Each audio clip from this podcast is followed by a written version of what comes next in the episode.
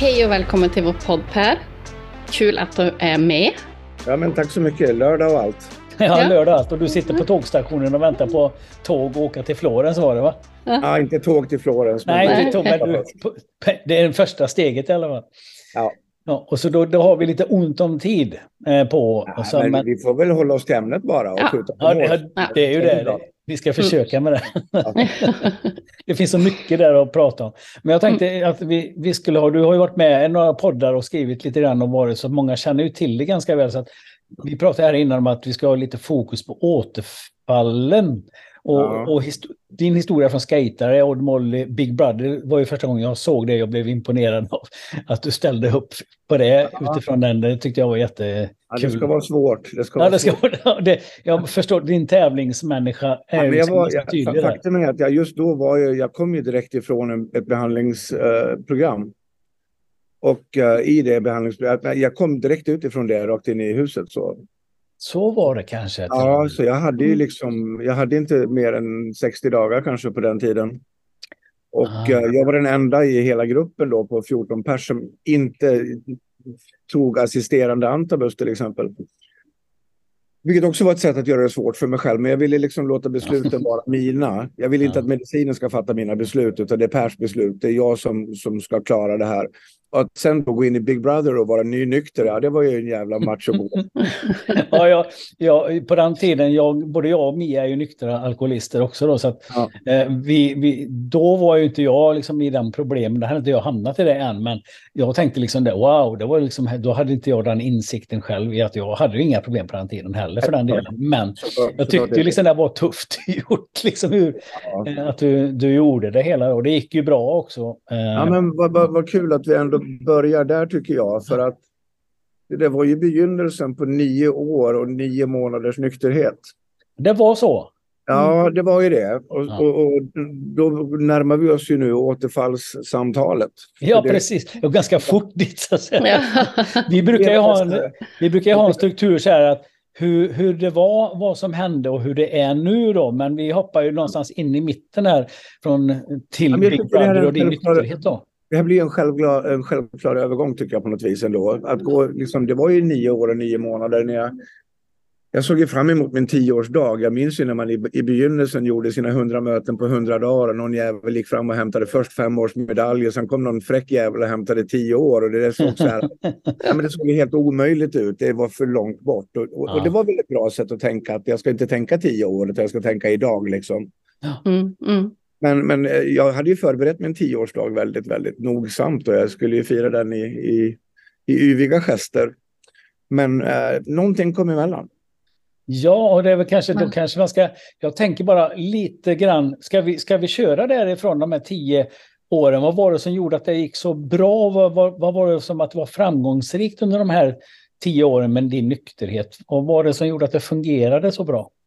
Ja, men jag tror att det som gjorde att jag fungerade var att för det första att jag, att jag gick på återkommande möten.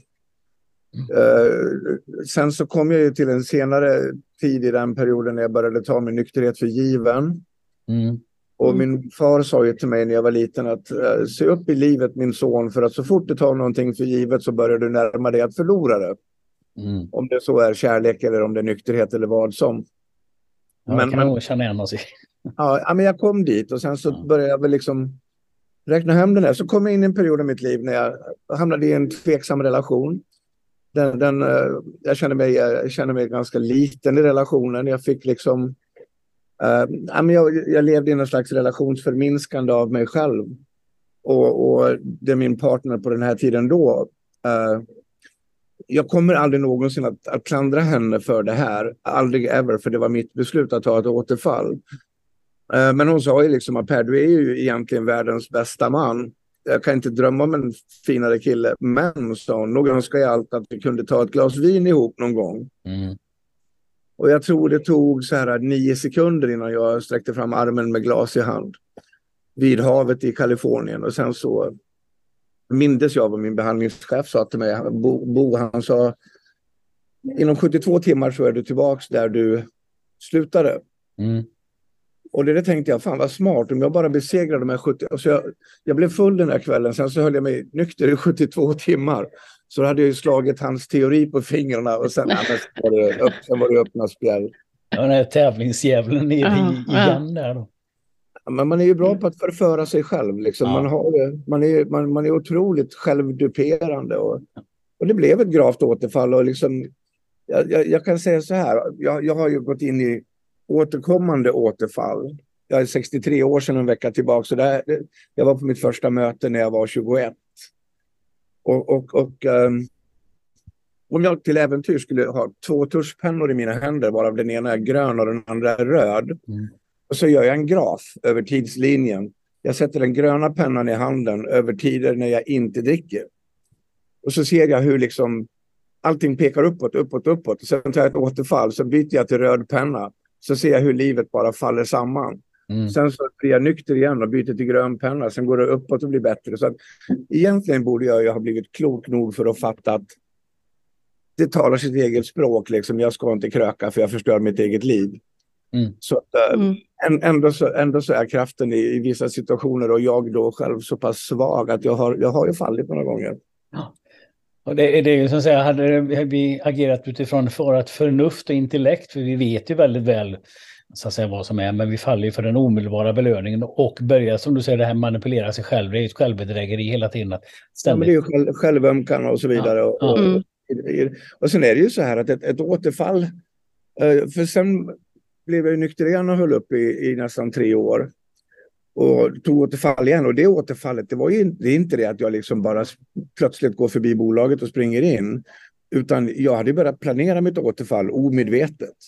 Jag hade till och med rekognoserat terrängen omkring där jag bodde. Var finns det någon liten krog där ingen kommer att känna igen mig för eftersom jag är lite offentligt ansikte. Så där höll jag på med i fem dagar innan jag hittade liksom the scene of the crime. Mm. Så gick jag dit och, och, och eh, fullföljde min plan. Och den natten, jag har aldrig varit närmare att dö i hela mitt liv.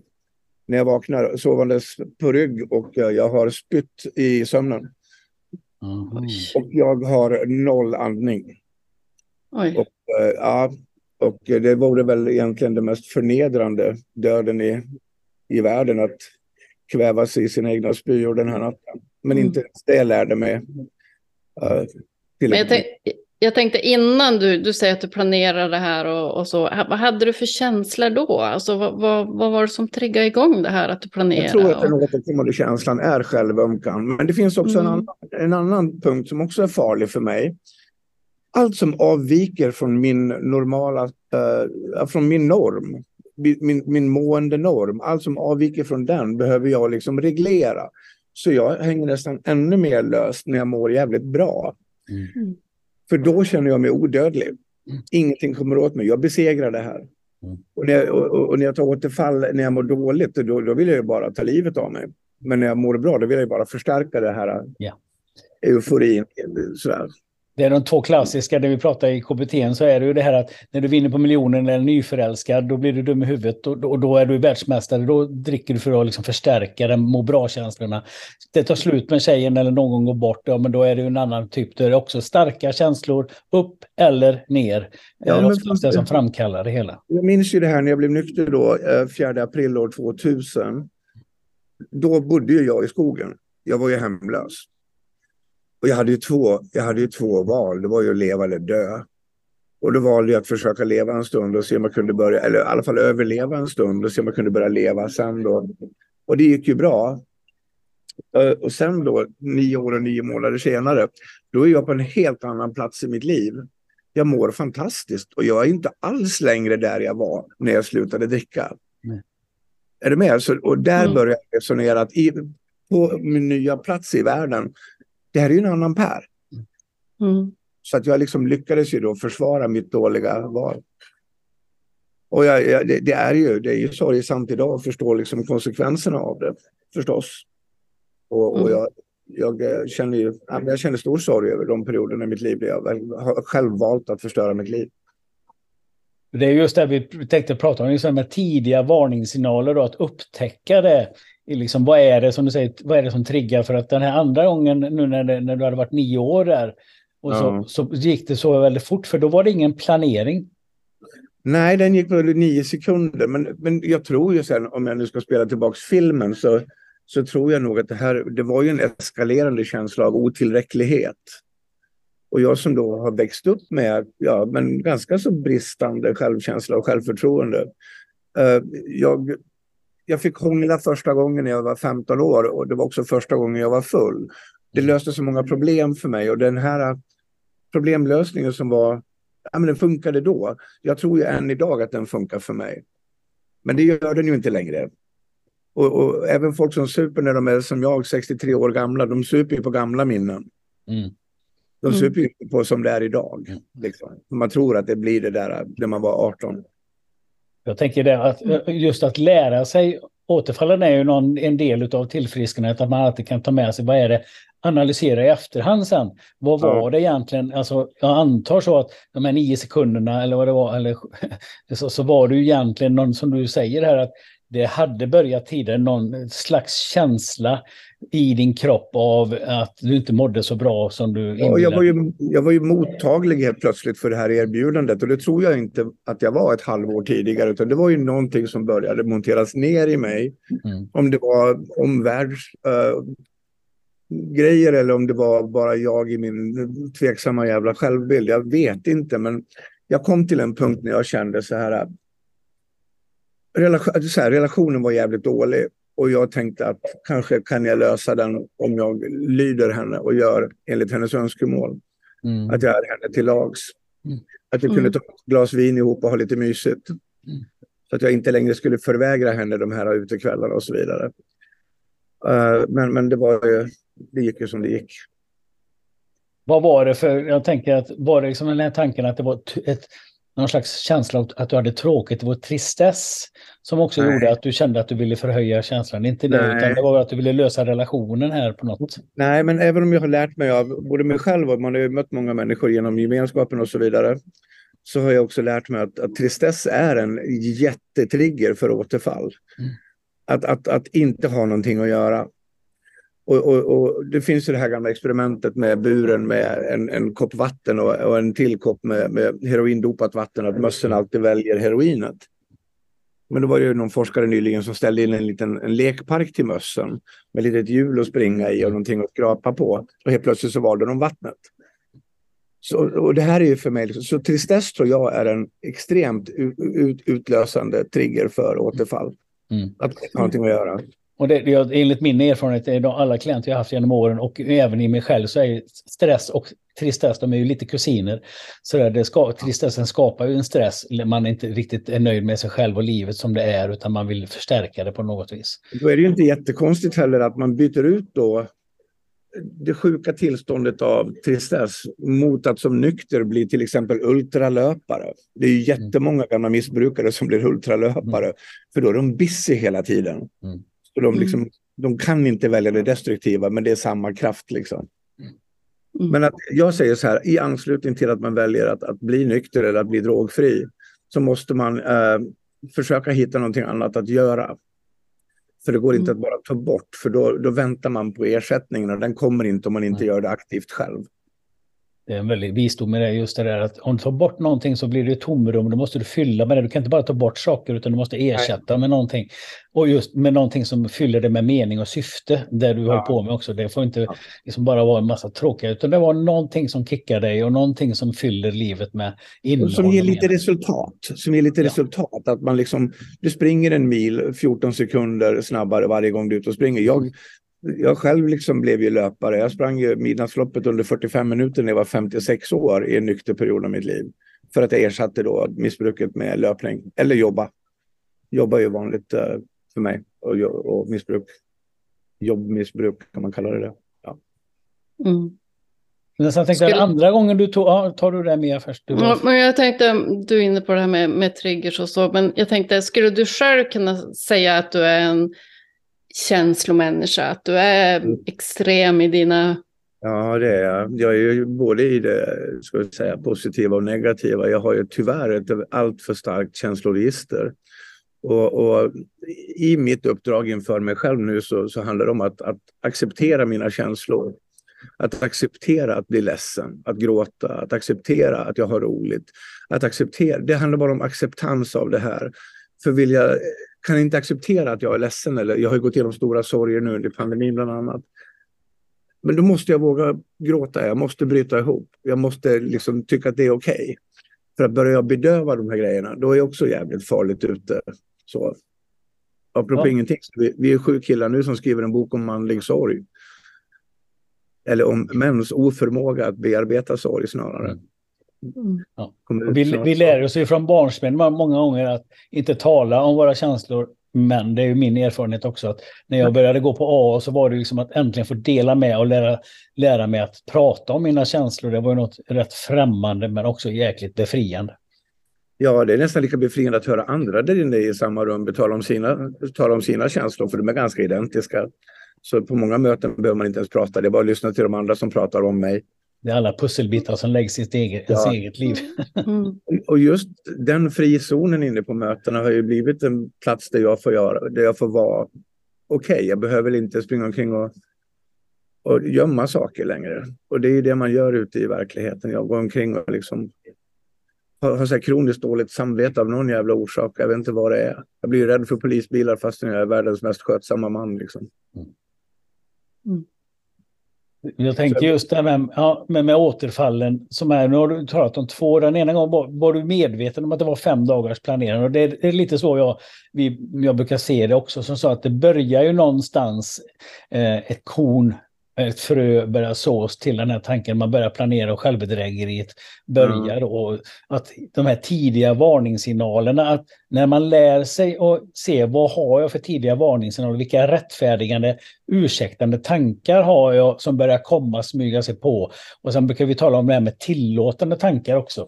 Alltså just det här med, med tankar, som skapar, ja, ja. tankar som skapar suget. Det kan ju vara liksom det att ah, livet är så tråkigt, jag står inte ut, jag måste ha lite roligt och sådär. Jag, jag bygger också någon slags, alla kommer att förstå. Det är så synd där om mig just nu, så att alla kommer att förstå. Ja. Så det, det är liksom okej okay nu. Jag ska berätta om mitt senaste återfall, vilket var då i mars 20. Ja. Då hade precis pandemin slagit till. Den knäckte två av mina bolag. Pappa hade precis dött. Karin som jag startade Odd med låg döden, för döden i cancer. Min fru lämnade mig och jag hade 10 miljoner orsaker i världen till att ta återfall enligt min gamla måttsticka. Men vi lever tillsammans, jag och min fru, och jag skjutsar henne till mormor med min dotter och jag säger att nu får ni vara här för nu ska pappa åka hem och bryta ihop lite grann. Jag vill inte att ni ska behöva se när jag är ledsen. Nu har jag, ja men på riktigt, nu har jag alltså varit nykter i några år. Och uh, så jag tänker, ja men jag bor i Djursholm på den här tiden, så jag åker till pizzerian i Danderyd. Jag beställer en pizza, jag tänker ta med den hem och en cola. Sen så bara sitter jag där och gråter en kväll. Men när jag beställer pizzan så säger pizzabagaren till mig, du vill inte ha en liten väntöl? Mm -hmm. mm.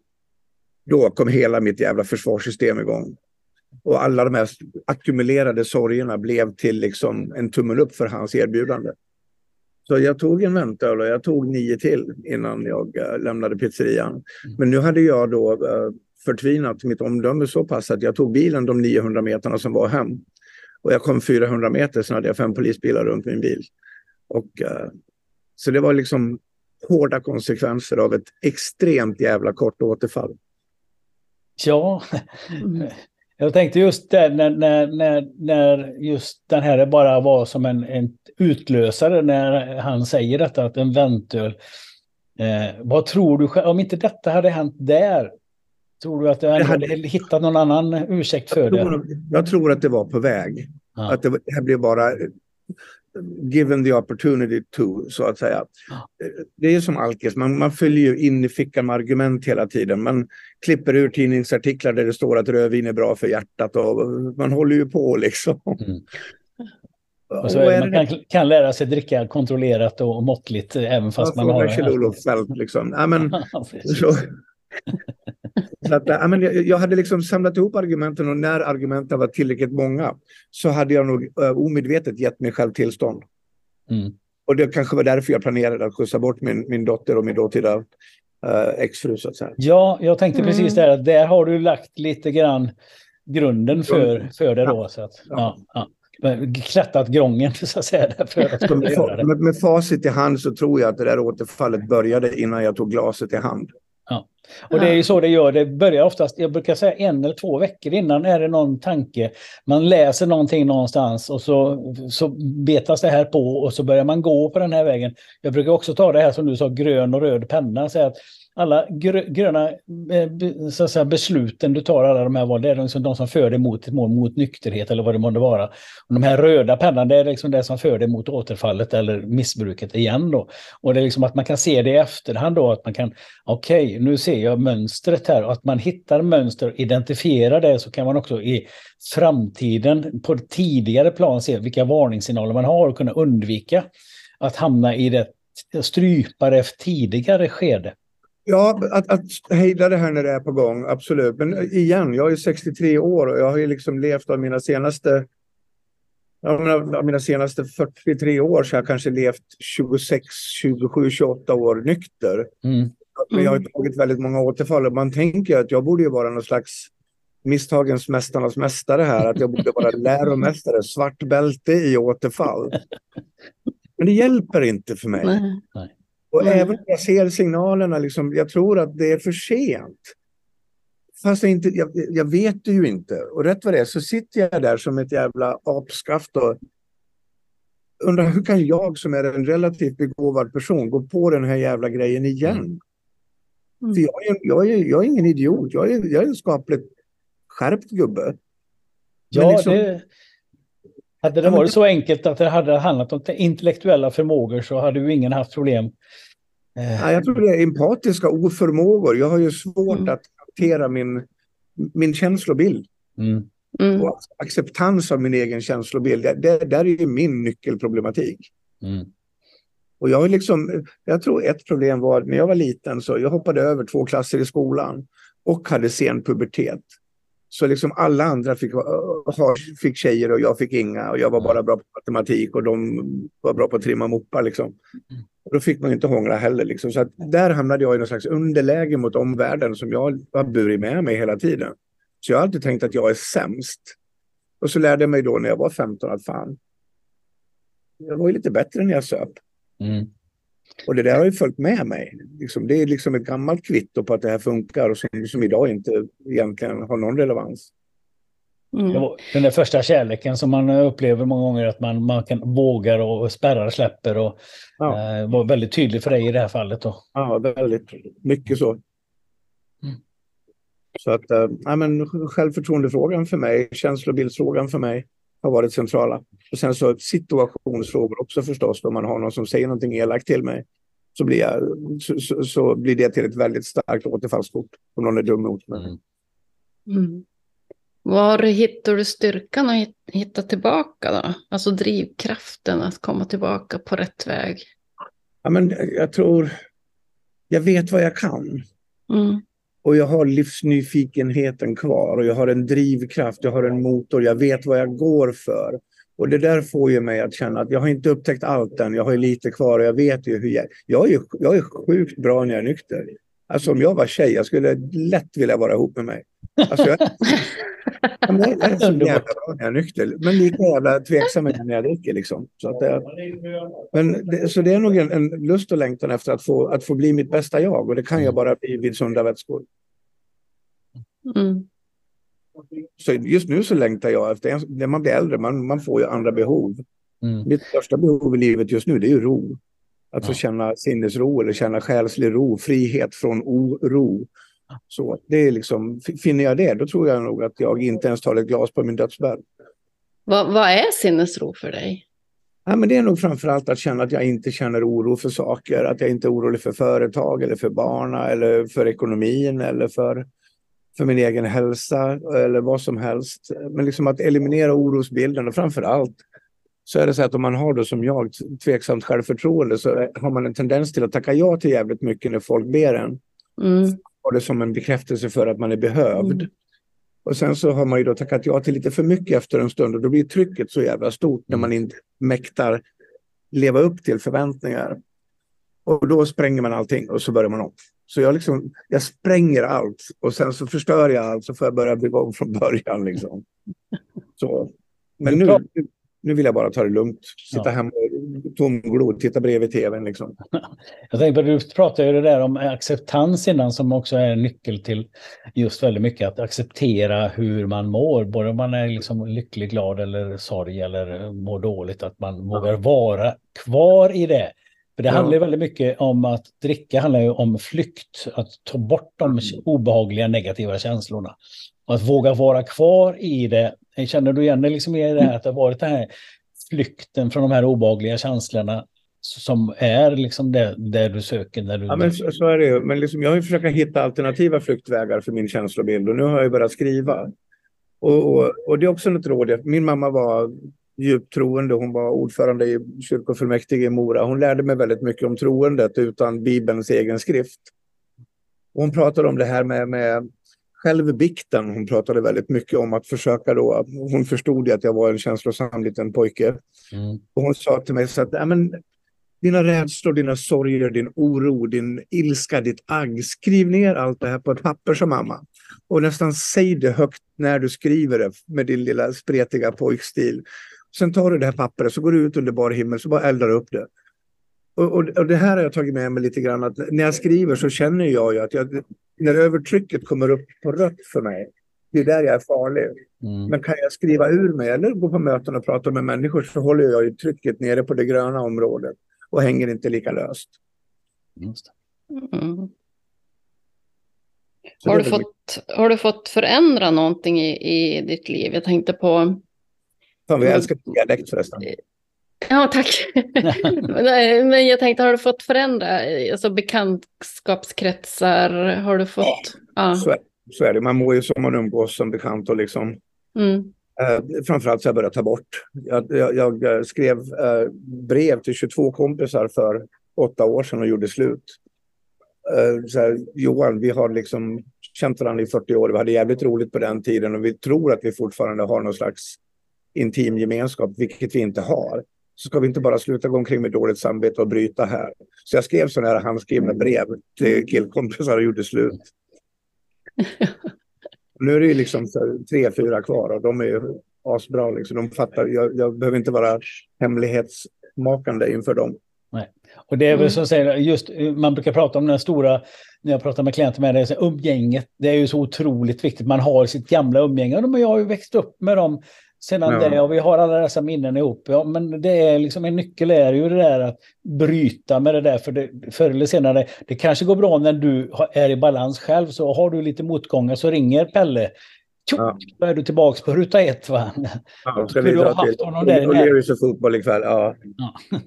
Då går det Mm. väldigt fort. Nej, alltså det är väldigt lätt att eh, är bättre att skära av det för sin egen skull, så att säga. För att det här är... Det är också ganska självsanerande för de vet ju att det inte är ens kul att ha med mig på O'Learys och gå på fotboll. Men Nej. då, då, ja, men då säger ju alltid någon så här, men hörni grabbar, ska vi ta det lite lugnt ikväll för Per är med? Och så lägger de mitt ansvar på att förstöra deras kväll. Så att jag, jag, skiter i, jag skiter hellre gå dit. Nej, men jag, har ju liksom, jag, är, jag, är, jag är så jävla eremit idag. Jag lever ju typ bara ensam. Mm. Det är också Har du-. Har du några exempel på vad, alltså du, du nämnde kompisar, men är det något annat du har fååt välja bort? Absolut. Jag, jag har sagt upp mig som ordförande i, i bostadsrättsföreningen, som Mm. tränare i barnlag i idrott. Eh, jag, jag gör mig av med företag när det finns folk i bolaget som jag inte känner är bra för mig. När det är dåliga konflikter i företag, då hoppar jag hellre av. Och, mm. Och så så att, ja, men jag håller på och livsstädar ordentligt just nu. Min tid, är- min tid är liksom snart ute. Så att jag, får ju liksom, jag har ju börjat med lifehacks. Jag går ut och käkar middag klockan fem. Så jag kommer hem klockan sju så har jag två kvällar om dagen. Jag håller på liksom att komprimera med den lilla tiden jag har kvar av livet just nu. Jag, tänker lite, jag tänkte ta några, för, förslå, föreslå några tankar, här, så får vi se om de här, vilka av de här tankarna som är vanligast för dig. Som jag brukar ta tankar som tillåter eh, att man eh, dricker eh, eller tar droger eller vad det må vara. En, en vanlig tanke är ju... bara- Förlåt, jag ska bara Ja. säkerställa min tågtid här. Ja. precis. Vi har eh, åtta minuter kvar, nio minuter kvar. Då hinner vi. Perfekt. Det är bra att ha lite tidsramar.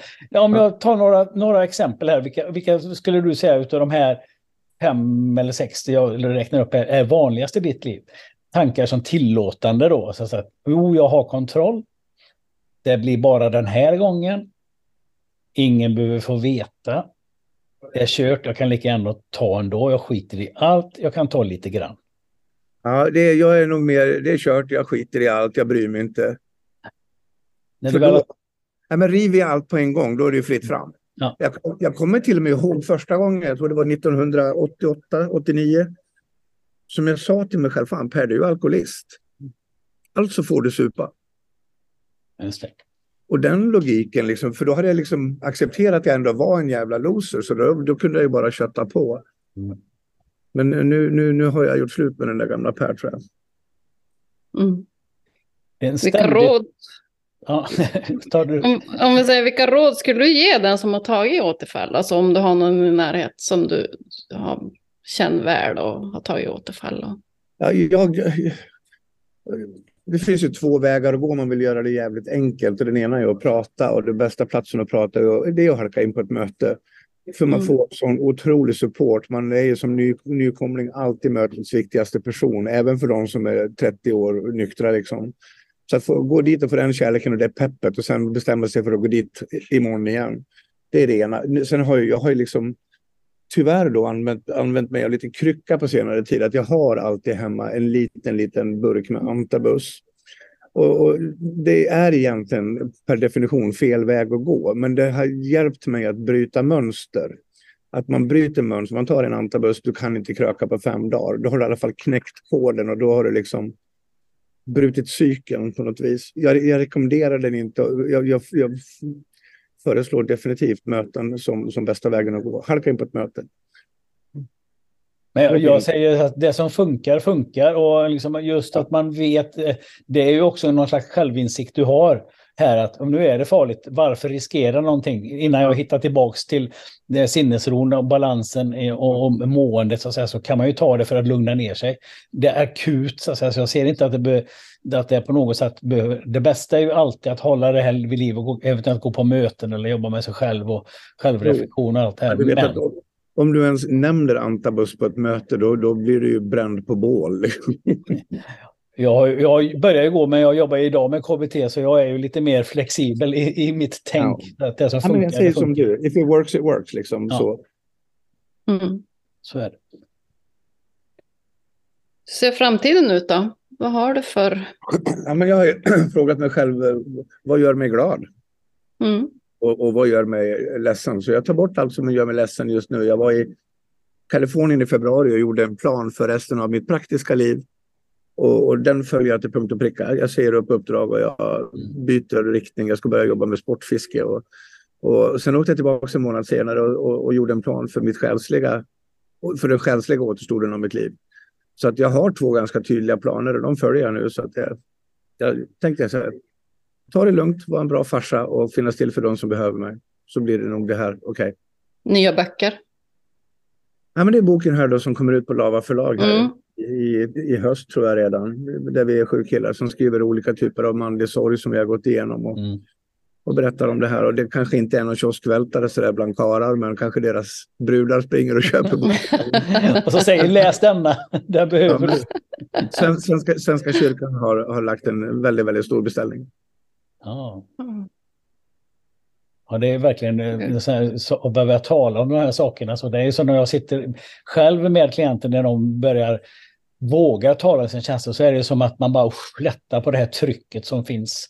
Slippa spela de här rollerna och fasaderna. Att, och det är den här befrielsen som ligger i det där mycket att våga tala och dela.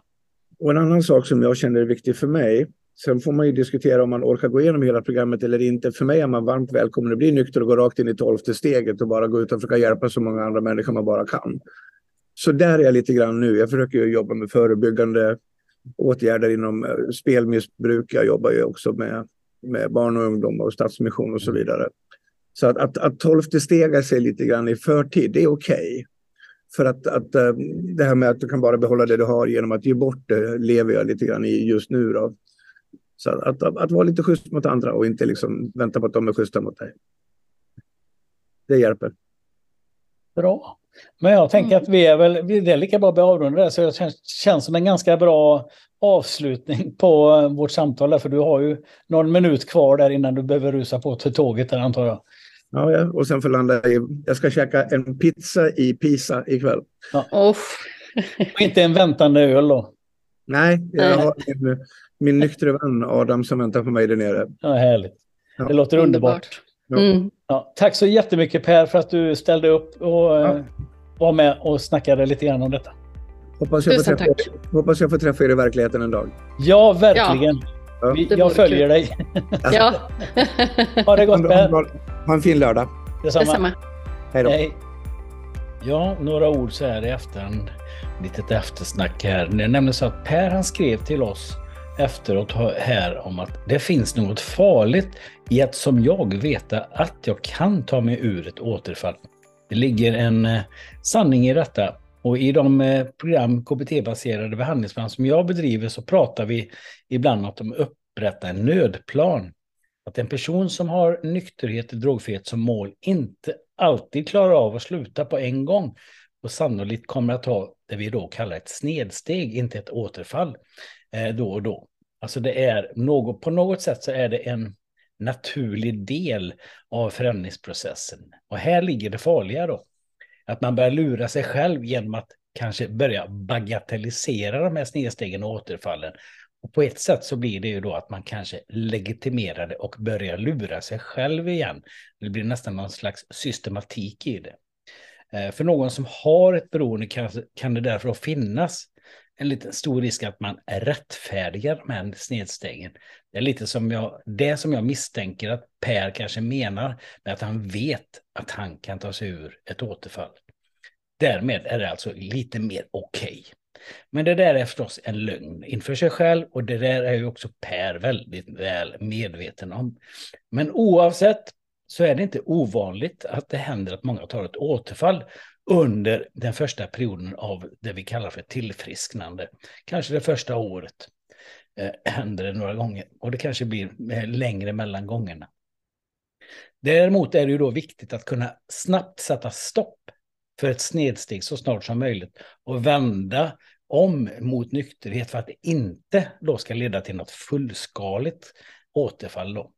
Så i, i behandlingen så försöker vi ofta identifiera då vilka ens inre och yttre tecken för snedsteg är till, som ska vara ett hjälp så man hinner upptäcka det här i tid. Så man, när man börjar, när börjar jag lura mig själv? Så att jag hinner sätta stopp för det. Att också ha en konkret plan. Vad ska jag göra om jag upptäcker att jag är på väg mot ett snedsteg eller redan kanske har tagit ett snedsteg?